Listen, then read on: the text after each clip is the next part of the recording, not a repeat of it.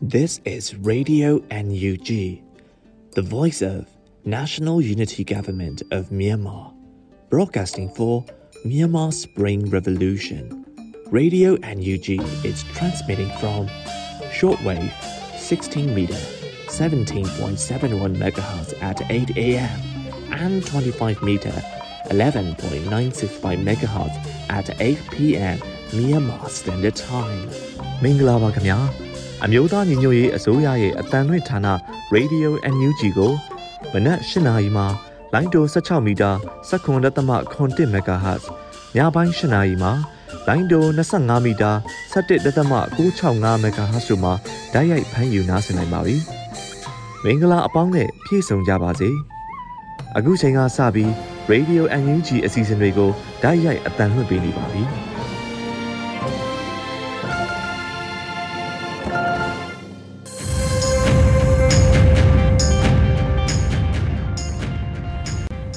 မြန်မာနိုင်ငံသူနိုင်ငံသားအပေါင်းတဘာဝဘေးစစ်အာဏာရှင်ဘေးတို့ကနေကင်းဝေးပြီးကိုယ်စိတ်နှပါအေဂျင့်လုံခြုံကြပါစေလို့ Radio NUG ဖွဲ့သူဖွဲ့သားများကနှုတ်ခွန်းဆက်တာအပ်ပါတယ်။ခုချိန်ကစပြီးနောက်ဆုံးရသတင်းများကိုရန်နိုင်ကတင်ဆက်ပေးမှာဖြစ်ပါတယ်ရှင်။မင်္ဂလာပါခင်ဗျာ။ခုချိန်ကစပြီး Radio NUG ညကင်းသတင်းတွေကိုဖတ်ကြားတင်ပြပေးပါရမယ်ခင်ဗျာ။အခုတင်ပြပေးမယ့်သတင်းတွေကတော့ ရေဒီယို NUG သတင်းတာဝန်ခံတွေနဲ့ခိုင်လုံတဲ့မိဘသတင်းရင်းမြစ်တွေကအခြေခံထားတာဖြစ်ပါတယ်။ကျွန်တော်ကတော့ရှန်နိုင်ပါ။မြောက်ရီမြို့နယ်လေးကေကုံမြို့သစ်ဒေသတဝိုက်မှစစ်ပေးရှောင်များကို NUG ဆိုရကထောက်ပံ့လျက်ရှိပါတယ်။အကြမ်းဖက်စစ်တဲ့ကြောင့်တိုက်ပွဲများဆက်လက်ဖြစ်ပွားလျက်ရှိတဲ့လေးကေကုံဒေသရှိစစ်ပေးရှောင်ပြည်သူများအတွက်အရေးပေါ်လိုအပ်ချက်များအလင်းမြန်ရောက်ရှိရေးကြိုးပမ်းလျက်ရှိရမှာကနဦးထောက်ပံ့ပေးဖို့မှုအနေနဲ့စားနပ်ရိက္ခာခောက်ဆွဲကြောက်ငါးသက်တာ ကွေကအုပ်ဆန်စီဆားငချောက်ဆောင်းအနှွေးတယ်နဲ့အခြားအရေးပေါ်သုံးဆောင်များတို့ကိုလူသားချင်းစာနာထောက်ထားရေးနဲ့ဘေးရန်ရဲ့ဆိုင်ရာစီမံခန့်ခွဲဝန်ကြီးဌာနကမြေပြင်အဖွဲ့များလူသားချင်းစာနာကူညီရေးနဲ့ဘေးရန်ရဲ့တုံ့ပြန်ရေးပူးပေါင်းကော်မတီဝင်တိုင်းဒေသဖွဲ့စည်းများနဲ့လက်တွဲပြီးစစ်ဘေးရှောင်ပြည်သူများထံသို့တိုက်ရိုက်ရောက်ရှိစေဖို့ပို့ဆောင်နေပြီဖြစ်ပါတယ်။ဒါပြင်အခြားမိဘအဖွဲ့အစည်းများနဲ့ပူးပေါင်းပြီး ထောက်ပံ့ပေးပို့မှုများဆက်လက်လုပ်ဆောင်ရန်လည်းစီစဉ်လျက်ရှိကြောင်းလူသားချင်းစာနာထောက်ထားရေးနဲ့ဘေးရန်ရေးဆိုင်ရာစီမံခန့်ခွဲဝန်ကြီးဌာနကဒီဇင်ဘာလ19ရက်နေ့မှာရေးသားဖော်ပြထားပါတယ်။ဒါပြင်ပြည်တော်စုဝန်ကြီးဒေါက်တာဝင်းမြတ်အေးကလေးရီကောကသွေးချင်းများအတွက်ငါတို့ထပ်တူခံစားရတယ်။ငါတို့အားလုံးကူညီကြမယ်။အထီရောက်ဆုံးနီးလန်းတွေရှားပြီးပြီ။အကောင့်ထဲဖွင့်နေပြီးငါတို့အတူတူနိုင်ယူကြမယ်လို့ရေးသားထားတာကိုလည်းတွေ့ရှိရပါတယ်။ ဒါပြင်အခြားမိဘဖော်များနဲ့ပူးပေါင်းပြီးထောက်ပံ့ပေးဖို့မှုများဆက်လက်လှုပ်ဆောင်သွားရန်စီစဉ်တယ်လို့လည်းဝန်ကြီးဌာနကထုတ်ပြန်ထားပါတယ်။အာနာသိန်းစစ်ကောင်စီတပ်ကအင်အားအလုံးကြီးနဲ့ဝင်ရောက်စီးနင်းပြီးဒီဇင်ဘာလ15ရက်မှစပြီး၄ကီကိုဒေသမှာတိုက်ပွဲများဖြစ်ပွားနေရမှာလက်ရှိမှာစစ်ရှောင်းဥယေ8000ကျော်ရှိနေပါပြီ။သုံးလုံးကျော်မှာထိုင်းနိုင်ငံဘက်ကိုတင်းရှောင်ရောက်ရှိနေပြီး9000ခန့်ဟာပြည်တွင်းမှာတင်းရှောင်နေရပြီး နေထိုင်ရေးစားနပ်ရိက္ခာနဲ့လုံခြုံရေးခက်ခဲများနဲ့ရင်ဆိုင်နေရတယ်လို့သိရှိရပါတယ်ခင်ဗျာစစ်ကောင်စီရဲ့ငွေရင်းမြစ် MOGE ကိုပိတ်ဆို့အရေးယူရန်လက်မှတ်များစုဆောင်းနေရှိပါတယ်မြန်မာရင်းနဲ့သဘောတူငွေလုပ်ငန်း MOGE အပေါ်အရေးယူပိတ်ဆို့ဖို့အတွက်လက်မှတ်3သိန်းလိုအပ်နေကြောင်းသွေးစွန်းငွေရက်တန့်ရေးလူလူလှူရှားမှုများကိုဥဆောင်နေတဲ့ Justice for Myanmar ကအတည်ပြုထားပါတယ်။ အမေရိကန်နဲ့ပြင်သစ်အစိုးရအနေနဲ့မြန်မာရေနံနဲ့သဘောတူငွေလုပ်ငန်း MOGE အပေါ်ပိတ်ဆို့အရေးယူတားဆီးဖို့အတွက်အခုလိုပြည်သူလက်မှတ်များကိုစုဆောင်းနေတာပါအကြံဖက်စစ်ကောင်စီကိုလာစဉ်ဒေါ်လာတန်ပေါင်းများစွာရှာဖွေပေးနေတဲ့ MOGE ကိုစီးပွားရေးပိတ်ဆို့အရေးယူတန်ခတ်ဖို့အားလုံးပူးပေါင်းပါဝင်စို့လို့တိုက်တွန်းထားတာကို တွေ့ရပါတယ်စစ်ကောင်စီကိုငွေအလုံးရင်းစည်းဝင်နေတဲ့ MOGE ကိုပိတ်ဆို့နိုင်ရေး လက်မှတ်ထိုးပါဝင်နိုင်ဖို့ဝင်ရောက်ရမယ့်လိပ်စာကို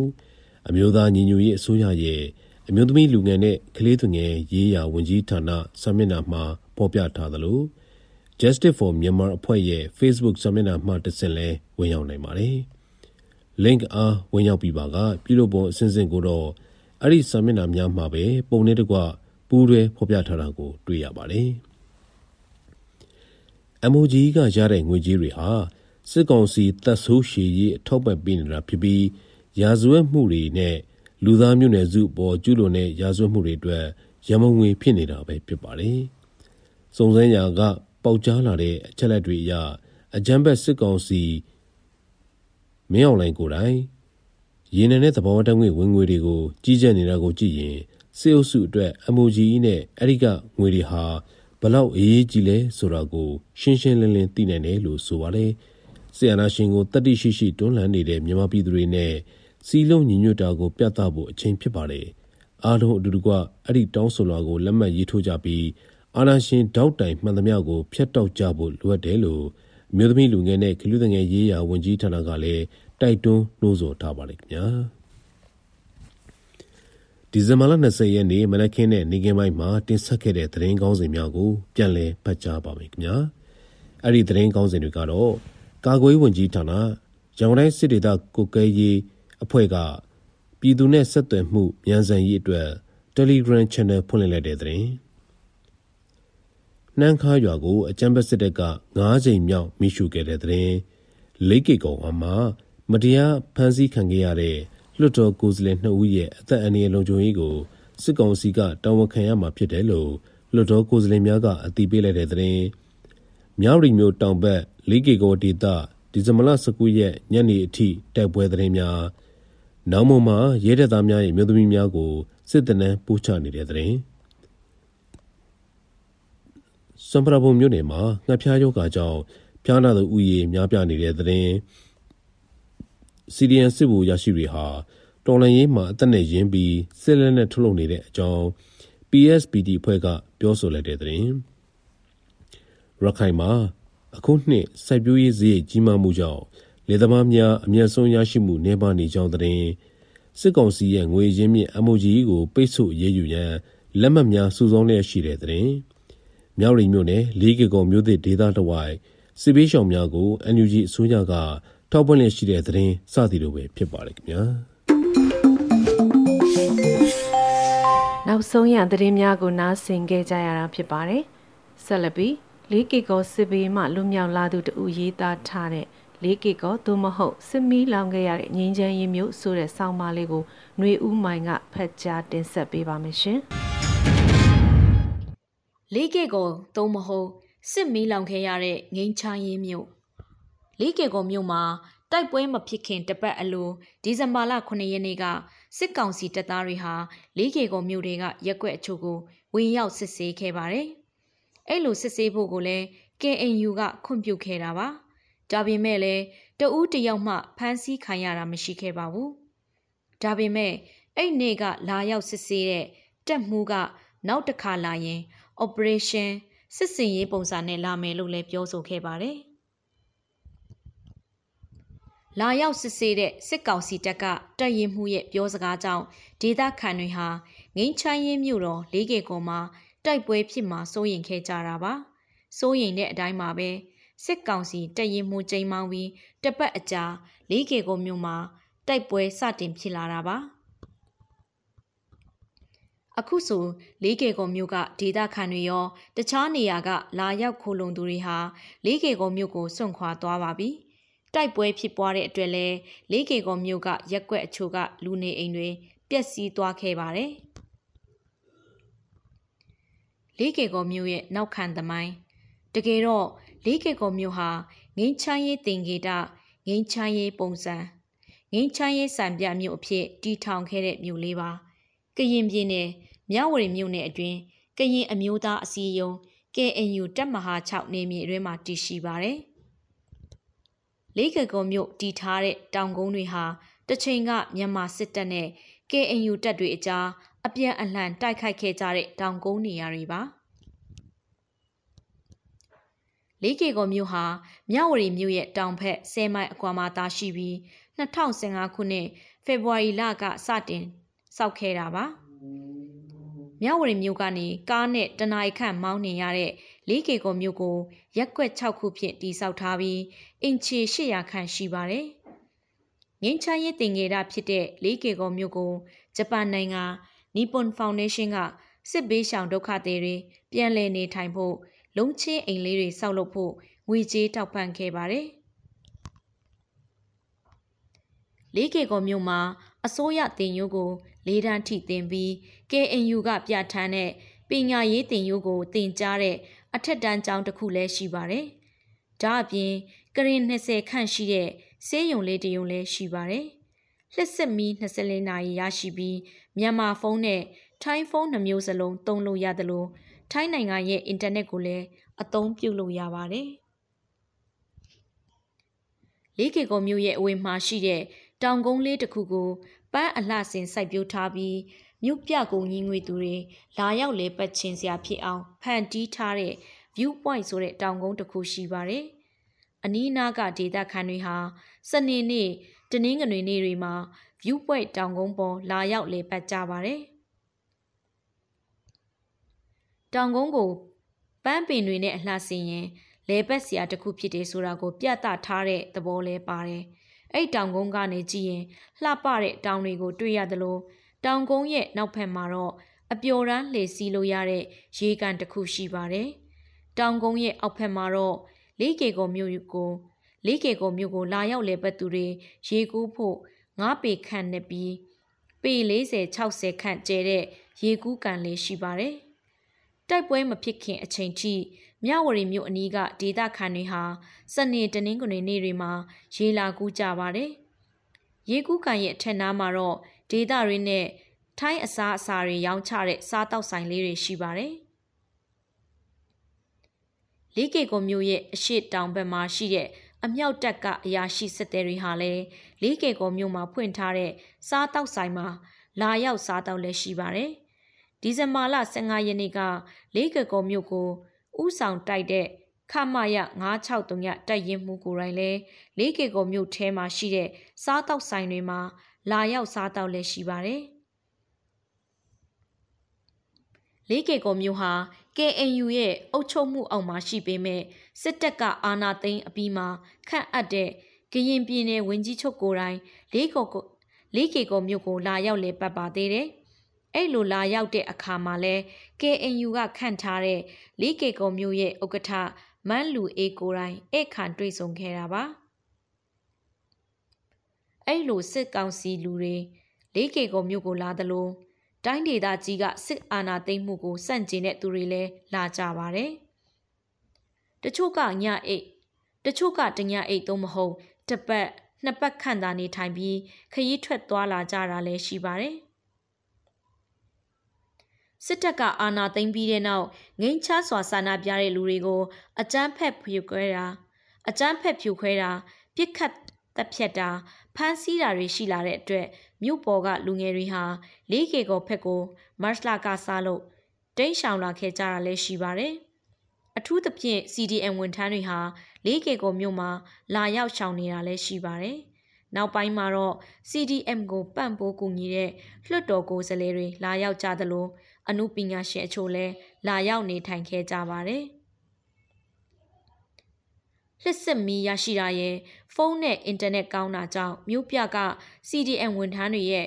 တိန့်ရှောင်ရာနေရာဖြစ်လာတဲ့လေးကေကုံမျိုးလေးဟာတဖြည်းဖြည်းနဲ့စီကားလာခဲ့ပါတယ်။တချို့လူငယ်တွေလားတချို့လူငယ်တွေဟာလည်းသူတို့အစုအဖွဲ့နဲ့သူတို့လေ့ကျင့်တာတင်တန်းပေးတာတွေလည်းရှိခဲ့ပါတယ်။ KNU ခေါင်းဆောင်တွေအနေနဲ့လာရောက်နေထိုင်တဲ့မြန်မာနိုင်ငံသားတွေကိုခွင့်ပြုထားခဲ့ပြီးမုံရစေဝါတုံးဆွဲတာ ခတ်ရန်ဖြစ်တာတွေရှိရင်တော့ဖမ်းဆီးအရေးယူတာတွေလုပ်ပါတယ်။ပြဿနာအစဆန္ဒပြတဲ့ပြည်သူတွေကိုစစ်ကောင်စီကအကြမ်းဖက်ဖြိုခွင်းတာဖမ်းဆီးတာတွေလုပ်လာပြီးနောက်ပိုင်းလေးကေကုံမျိုးလေးကို လာရောက်တင်းရှောင်သူများလာခဲ့ပါတယ်။အဲ့လိုတင်းရှောင်လာသူတွေထဲက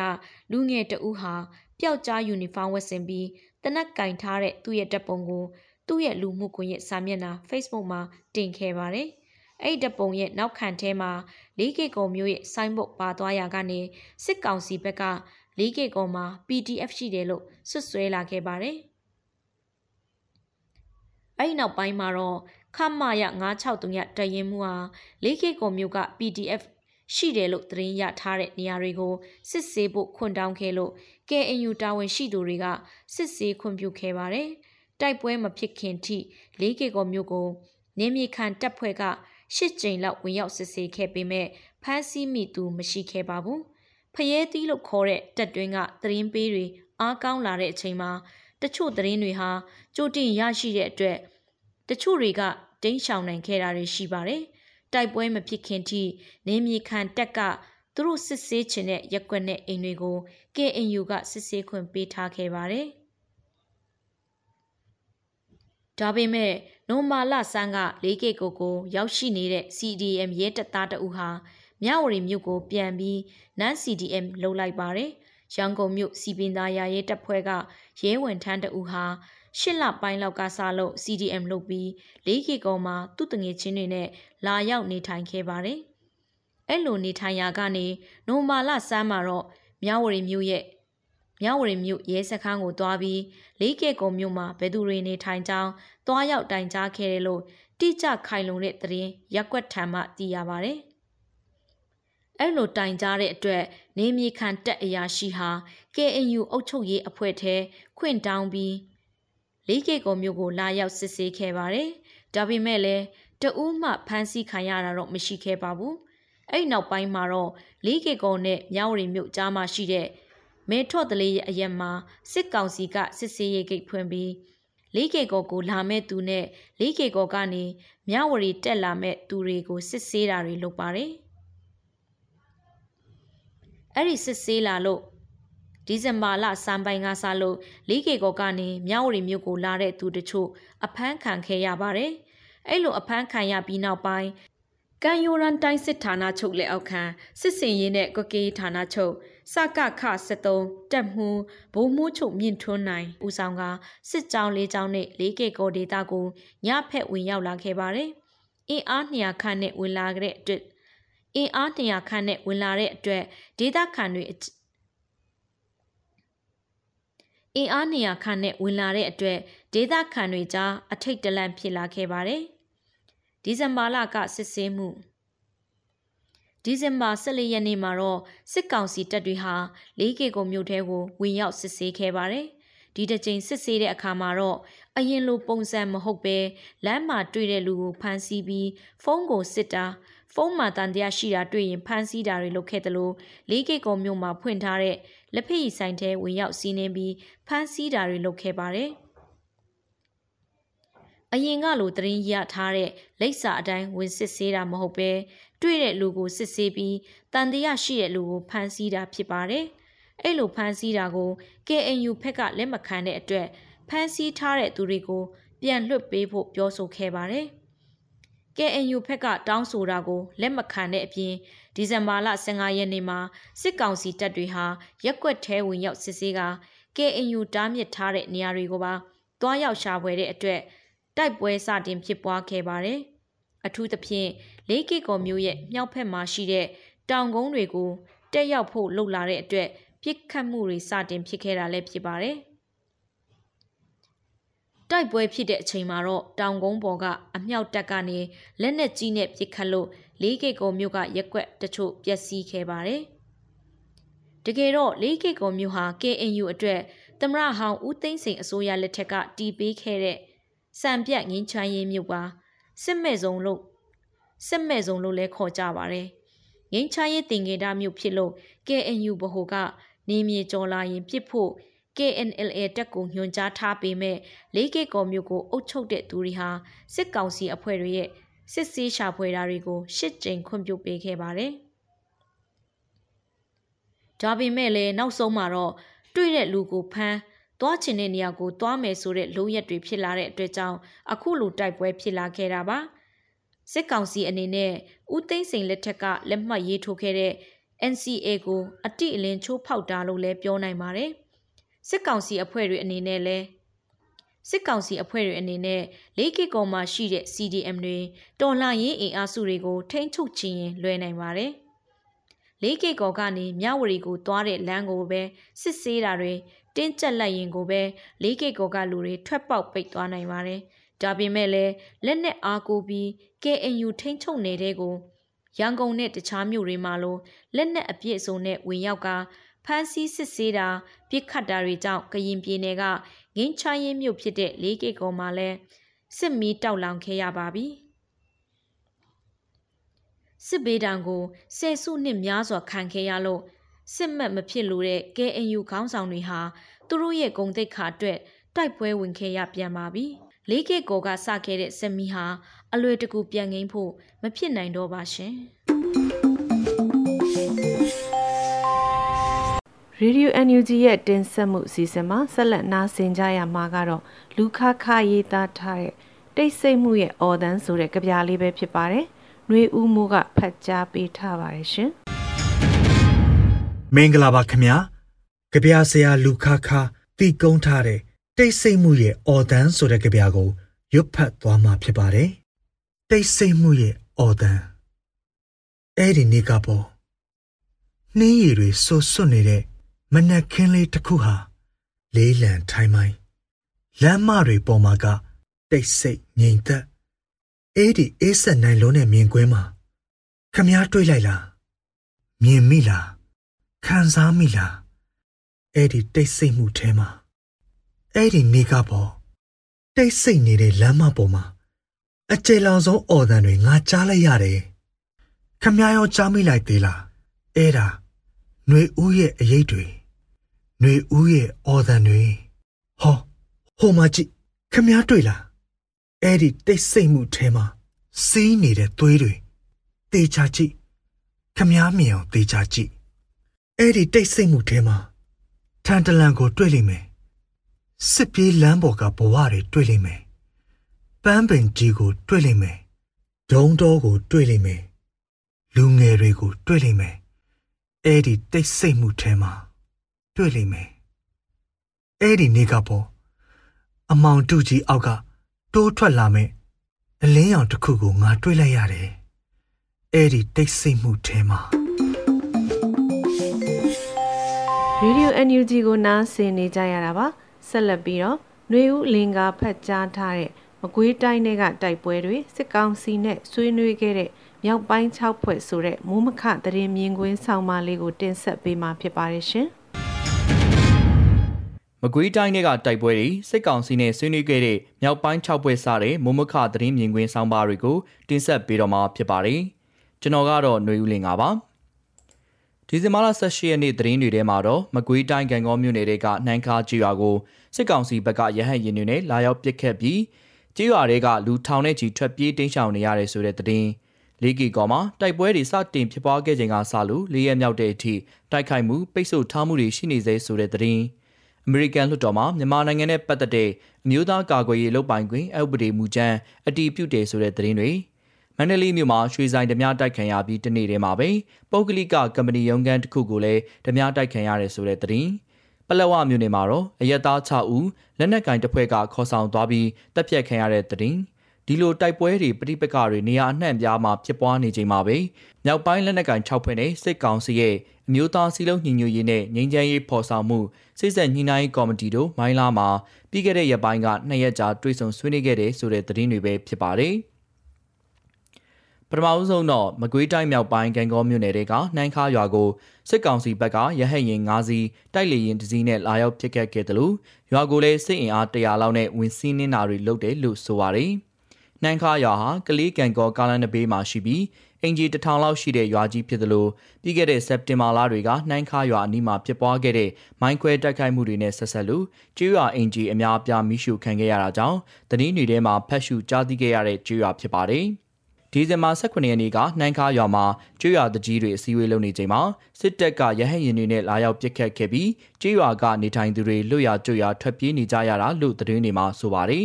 ။ကျွော်တွေကိုခြေခံပြီးစစ်ကောင်စီကိုခုခံကြတဲ့နီးပြူဟာကစစ်ကောင်စီဘက်ကမြေလံစနစ်သုံးကျွော်မီရှုပိုင်ဆိုင်မှုတွေတင်ယူဖျက်ဆီးတာတွေကကျွော်လူထုဖို့ထိခိုက်မှုများပြားစေနိုင်တဲ့အလားအလာမှာရှိနေပါတယ်။နောက်နောက်မှာကြေးရွာတွေကိုအခြေစိုက်ပြီးတိုက်ခိုက်မလားဒါမှမဟုတ် ချွေပြောင်းခြေချနိုင်တဲ့ PDF တပ်ဖွဲ့လူမျိုးဖွဲ့စည်းပြီးတိုက်ခိုက်ကြမလားဆိုတာကိုလည်းစဉ်းစားအဖြေရှာသင့်ပြီလို့မြင်ပါတယ်။နောက်သတင်းတစ်ပုဒ်ဖြစ်တဲ့မြမအရေးကိုမဟာဗျူဟာမြောက်ကူညီပေးနိုင်မဲ့အချက်လက်တွေပါတဲ့ American အမျိုးသားကာကွယ်ရေးဆိုင်ရာဥပဒေပြင်ဆင်မှုမူကြမ်းကို American အထက်လွှတ်တော်ကအတည်ပြုလိုက်တဲ့သတင်းဖြစ်ပါတယ်။ဒီဥပဒေပြင်ဆင်မှုကမြန်မာအရေးကိစ္စမှာ American ကစစ်ရေးအရလက်ဝင်ပါမယ်လို့တော့အတိတ်ပဲမတက်ရောက်ပါဘူး။ သို့တော်လည်းမြန်မာရဲ့လက်ရှိလက်နက်ကင်တိုက်ပွဲတွေမှာစစ်အာဏာရှင်စန့်ကျင်ရေးအင်အားစုတွေကိုရုပ်ဝတ္ထုဆိုင်ရာအကူအညီတွေပေးနိုင်တော့မလားဆိုတဲ့မှန်းဆမျှော်လင့်ချက်တွေရှိနေကြတာဖြစ်ပါတယ်။ Republican Party ကလွှတ်တော်တွင်အစုဖွဲ့တွေရဲ့ထင်ရှားတဲ့ခေါင်းဆောင်တူဖြစ်သူ Miss McConnell ကဦးဆောင်တင်သွင်းခဲ့တယ်လို့သတင်းတွေမှာဖော်ပြ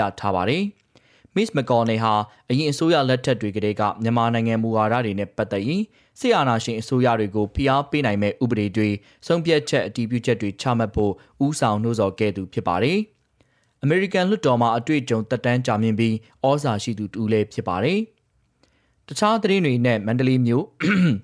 အခြားသတင်းတွေနဲ့မန္တလေးမြို့မှာဓမြတိုက်မှုနှစ်မှု9ရက်အတွင်းဖြစ်ပွားခဲ့ပြီးတစ်ခုကတော့ရွှေဆိုင်ဓမြတိုက်မှုဖြစ်ပါတယ်။ တိန်းတထောင်ခွဲလောက်တန်ဖိုးရှိတဲ့ရွှေတဲစိန်တွေတွေပါသွားခဲ့တယ်လို့နောက်တပြားမှုတစ်ခုကတော့ပုတ်ကလိကကမ္ပဏီရုံးခန်းတစ်ခန်းကတိန်း3000လောက်ယူဆောင်သွားခဲ့တယ်လို့သတင်းတွေမှာပါရှိပါတယ်။တရားဥပဒေစိုးမိုးမှုကြာစိမ့်လာချိန်လက်နက်တွေလွယ်လွယ်ကူကူရရှိနိုင်ချိန်မှာအခုလိုဓမြမှုတွေလူရဲမှုတွေမကြာခဏဖြစ်ပွားလာနေတာဖြစ်ပါတယ်။တဖန်ချင်းပြည်နယ်တောင်ပိုင်းရခိုင်ပြည်နယ်နဲ့ဆက်ဆက်နေတဲ့ပလက်ဝမြို့နယ်ထဲမှာအရက်သား6ဦးတပ်ဖြတ်ခံရတဲ့တဲ့ရင်လေမီဒီယာတွေမှာဖော်ပြထားတာဖတ်ရှုရပါတယ်။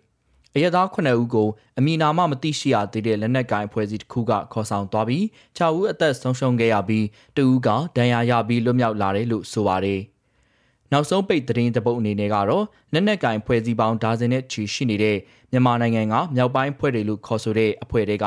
6ဖွဲ့နဲ့စစ်ကောင်စီကဖွဲ့စည်းတာဝန်ပေးထားတဲ့အမျိုးသားစီလုံးညီညွတ်ရေးနဲ့ငြိမ်းချမ်းရေးဖော်ဆောင်မှုစစ်ဆက်ဆွေးနွေးကော်မတီနဲ့ ဒီဇင်ဘာ15ရက်နေ့16ရက်နေ့တွေကမိုင်းလာမြို့မှာတွေ့ဆုံဆွေးနွေးခဲ့တယ်လို့ဆိုပါတယ်။တွေ့ဆုံခဲ့တဲ့6ဖွဲ့ကတော့ UWSA, NDAA, MNDAA, AA, TNLA, SSPB, SSA တို့ဖြစ်ပါတယ်။အာနာသိစစ်တပ်အနေနဲ့ KNU, KIA လိုရှိပြီးသားတိုင်းရင်းသားလက်နက်ကိုင်တပ်ဖွဲ့တွေဒေသအလိုက်ထွက်ပေါ်လာတဲ့ PDF တွေနဲ့ရင်ဆိုင်တက်ခိုက်နေချိန်မှာကျန်တဲ့အဖွဲ့တွေကိုခိတ္တပြစ်ခတ်ရထားခြင်းနဲ့ဆန္ဒရှိမယ်ဆိုတာတန်တရားဖြစ်စရာမလိုပါဘူး။ တိုင်းရင်းသားလက်နက်ကိုင်တပ်ဖွဲ့တွေမှာလည်းရေပုံရရီမန်းချက်ပန်းနိုင်က Federal Democracy ဖြစ်ပြီးဒီပန်းနိုင်ကိုရောက်ဖို့နဲ့အဖွဲ့ရဲ့ရည်တည်ရှင်သန်နိုင်ရေးဒေသနေသက်ဆိုင်ရာလူမျိုးစုတွေကိုကာကွယ်ပေးနိုင်ရေးစတဲ့အချက်တွေကိုပေါင်းဆက်စဉ်းစားပြီးစစ်ကောင်စီရဲ့မဟာဗျူဟာနီးဗျူဟာကိုတုံ့ပြန်ကြလိမ့်မယ်လို့မှန်းဆရတာဖြစ်ပါတယ်။အခုတင်ဆက်သွားတာတွေကတော့မကွေးတိုင်းတွေကတိုက်ပွဲတွေစစ်ကောင်စီနဲ့ဆွေးနွေးခဲ့တဲ့မြောက်ပိုင်း6ပွဲစတဲ့မုံမခသတင်းမြင်ကွင်းဆောင်းပါးတွေပဲဖြစ်ပါတယ်။ကျွန်တော်ကတော့ຫນွေဦးလင်ပါ။ဒီ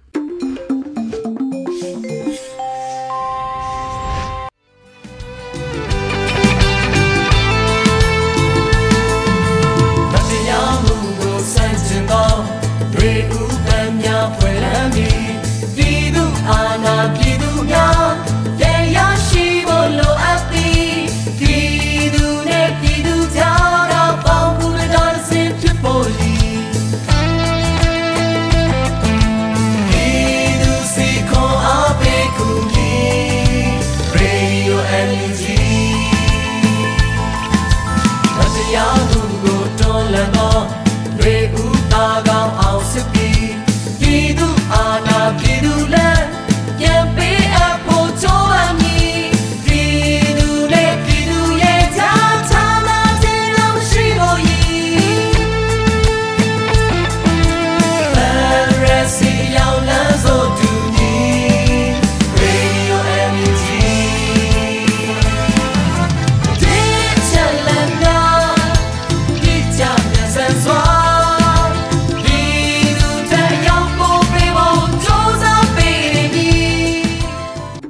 ကတော့ဒီညနဲ့ပဲ Radio NUG ရဲ့အစီအစဉ်တွေကိုခਿੱတရနာလိုက်ပါမယ်မြန်မာစံတော်ချိန်မနက်၈နာရီနဲ့ညနေ၈နာရီအချိန်တွေမှာပြန်လည်ဆုံတွေ့ကြပါစို့ Radio NUG ကိုမနက်၈နာရီမှာလိုင်းတို16မီတာ7.3 MHz ညပိုင်း၈နာရီမှာလိုင်းတို25မီတာ17.665 MHz တို့မှာဓာတ်ရိုက်ဖမ်းယူနားဆင်နိုင်ပါပြီမြန်မာနိုင်ငံသူနိုင်ငံသားများကိုစိတ်နှပြကျန်းမာချမ်းသာလို့ ဘေးကင်းလုံခြုံကြပါစေလို့ Radio NUG အဖွဲ့သူအဖွဲ့သားများကဆုတောင်းလိုက်ရပါတယ်။အမျိုးသားညီညွတ်ရေးအစိုးရရဲ့စက်သွယ်ရေးတရင်အချက်အလက်နဲ့ဤပညာဝန်ကြီးဌာနကထုတ်လွှင့်နေတဲ့ Radio NUG ဖြစ်ပါတယ်။ San Francisco Bay Area အခြေစိုက်မြန်မာမိသားစုများနဲ့နိုင်ငံတကာကစေတနာရှင်များလှူအားပေးများရဲ့ Radio NUG ဖြစ်ပါတယ်။အရေးတော်ပုံအောင်ရမည်။